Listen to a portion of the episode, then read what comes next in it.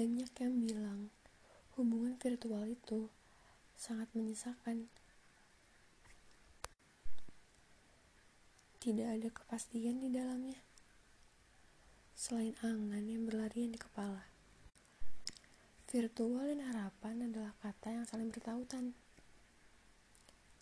Awalnya, aku mengira virtual itu hanya omong kosong. Bagaimana mungkin? Seseorang bisa memiliki perasaan dengan orang yang bahkan belum bertemu. Juni 2020 Saat itu, aku sedang bermain game PUBG Mobile yang sangat terkenal. Aku memulainya dari setahun yang lalu. Awalnya aku bermain hanya untuk bersenang-senang dengan teman sekolahku. Lalu lambat laun, aku banyak mengenal teman online. Bahkan aku membuat tim dengan mereka. Aku ingat, saat itu teman timku cerita tentang dia yang menyukai seseorang di PUBG. Saat itu juga, aku mengenal seseorang karenanya. Namanya Vicky. Dua huruf V dan K itu tertera di nicknya. Kita berbincang di lobi dengan teman-temanku. Lebih tepatnya, dia hanya mendengarkan dan sekali menjawab beberapa kata. Aku penasaran dengannya dan ingin melihat profil PUBG-nya. Tapi bodohnya, lagi aku salah memencet kata lihat profil menjadi add friend. Eh, siapa nih add friend? Katanya dengan nada penasaran. Aku kepencet. Tadi mau lihat profil, malah kepencet add friend. Dia mengaksesnya dan masuk ke friendlistku seseorang yang tak kusangka akan menjadi temanku. Setelah itu, kami berpindah ke telepon WhatsApp. Aku tidak tahu kenapa dia ikut mengobrol di WhatsApp juga dengan kami. Mendengarkan cerita yang dia sama sekali tidak tahu tentang siapa saja. Saat itu, kita berbincang tentang teman cowokku yang menyukai teman PUBG juga. Dipikir-pikir, PUBG sudah menjadi tempat mencari pacar saja. Aku ingat saat itu, aku menanyakan pendapat dia tentang pacaran. Lalu dia menjawab, Aku gak mau berkomitmen. Masih banyak hal yang harus dipikirkan, dan komitmen adalah nomor sekian. Katanya, kurang lebih seperti itu. Aku ter tertegun sebentar, mencerna ucapannya yang tak kenapa cukup berbekas di pikiranku. Banyak hal yang kita perbincangkan, Sampai akhirnya dia pamit duluan untuk tidur. Temanku, Devita, mengolok-olok seakan aku dan dia harus dekat. Aku malu, tapi dia malah berkata, Kalau kamu butuh apa-apa kabarin aja ya, pasti ku bantu. A few days after that, aku dan temanku Devita sering teleponan. Dan dia selalu mengajak orang lain untuk bergabung. Dan tentunya, dia mengajak Vicky juga saat itu.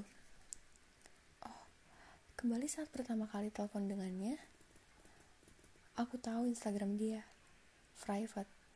Dan sampai saat itu, dia tidak pernah mengakses follow requestku. Aku tidak berani menegurnya. Mungkin memang dia tidak pernah membuka akun Instagramnya.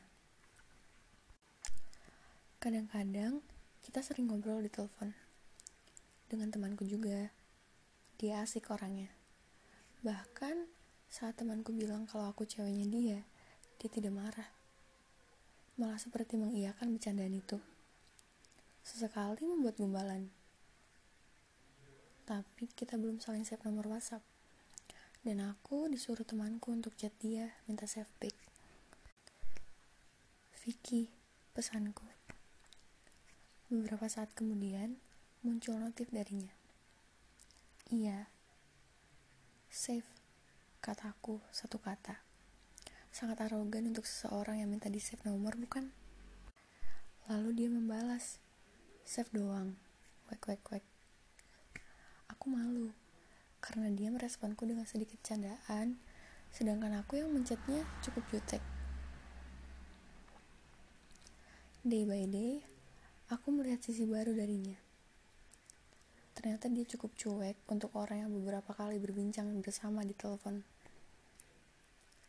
Aku menyimpulkan dia asik saat sedang bersama temannya saja. Setelah itu, cuek. Cuek terhadap orang baru di sekitarnya. Kenapa aku menyimpulkannya seperti itu? Karena aku tidak pernah satu lobby dengannya atau berbincang berdua dengannya. Kami tidak menyapa jika tidak ada perantara, dan aku tidak berani menyapanya duluan. Ceweknya Piki, kata itu melekat di pikiranku membuat malu saja.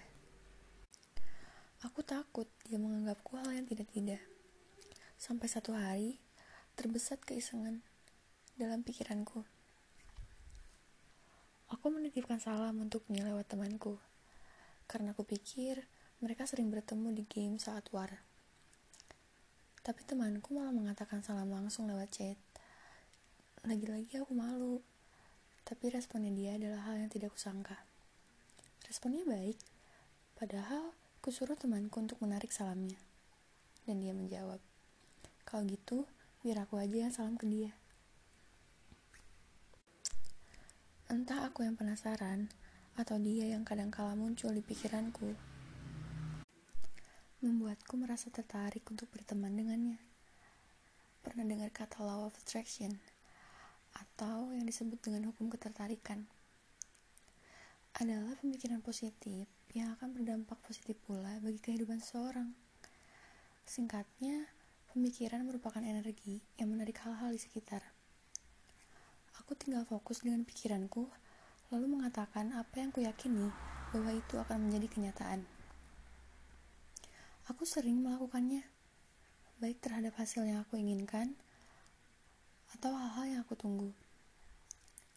Pagi itu, setelah aku mencuci muka, aku berkata pada diriku sendiri. Tenang aja, Des. Vicky bakal mau kok jadi temanku.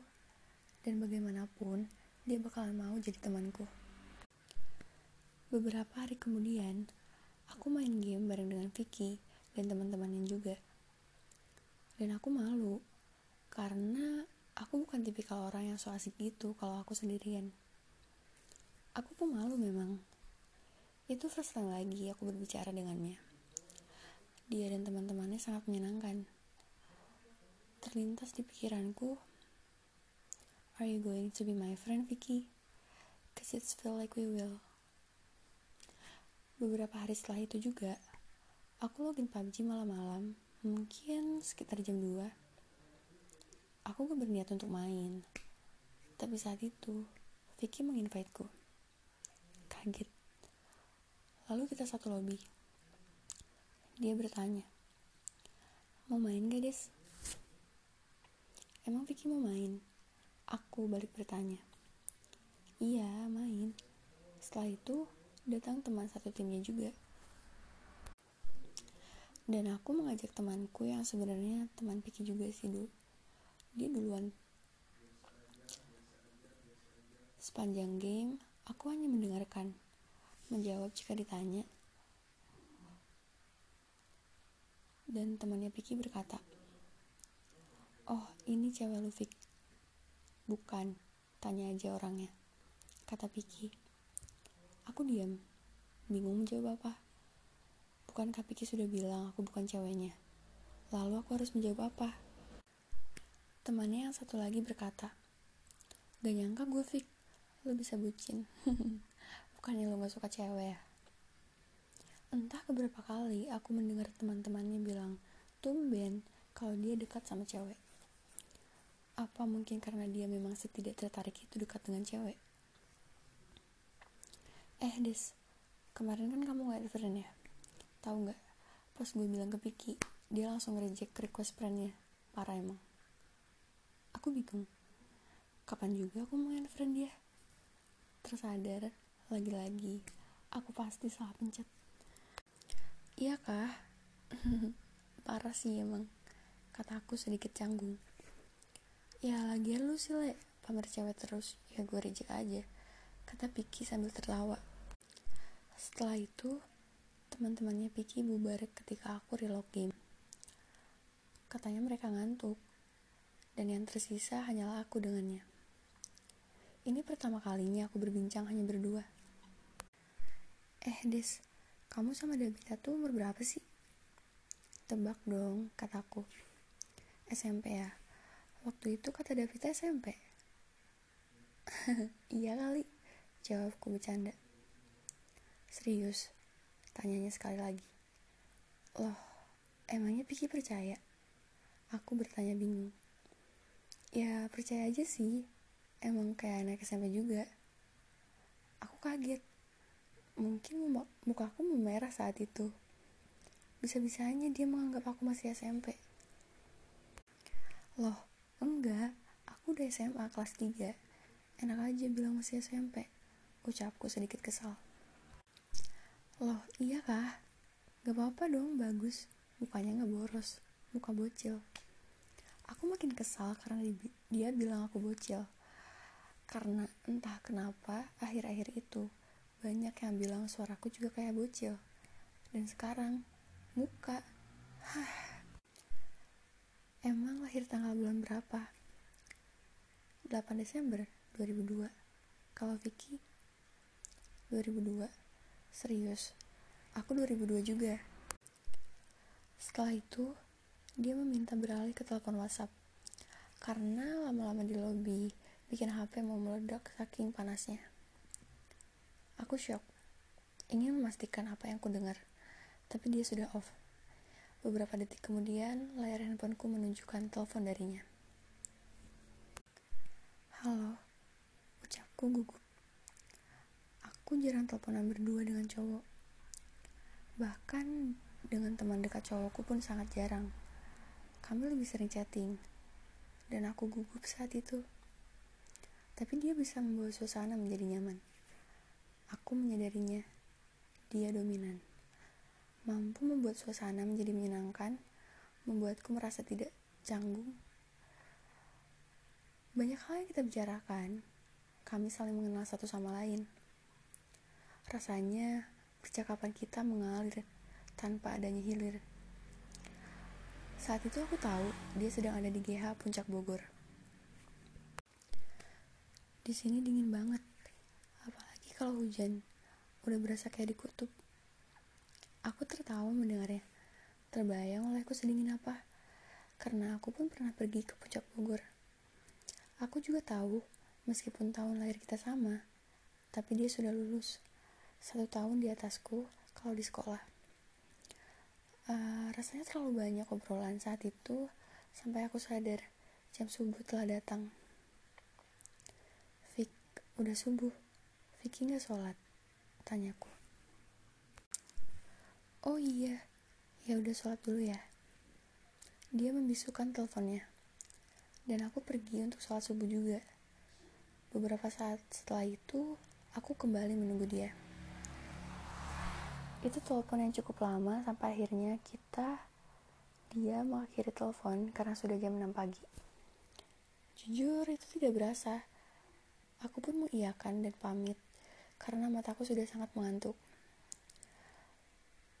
setelah aku pikir aku masih tidak menyangka bisa berbincang berdua dengannya ternyata pikir orangnya gak secuek itu kok dia tipikal orang yang selalu punya topik untuk mengobrol dengan orang bahkan untuk hal-hal yang random pun. Awalnya aku bingung kenapa aku bisa mengobrol panjang dengannya. Tapi aku rasa itu karena dia yang responnya bagus dan tahu cara menghargai orang dengan dengan memilih topik. Dia dominan, tapi tahu cara untuk tidak mendominasi.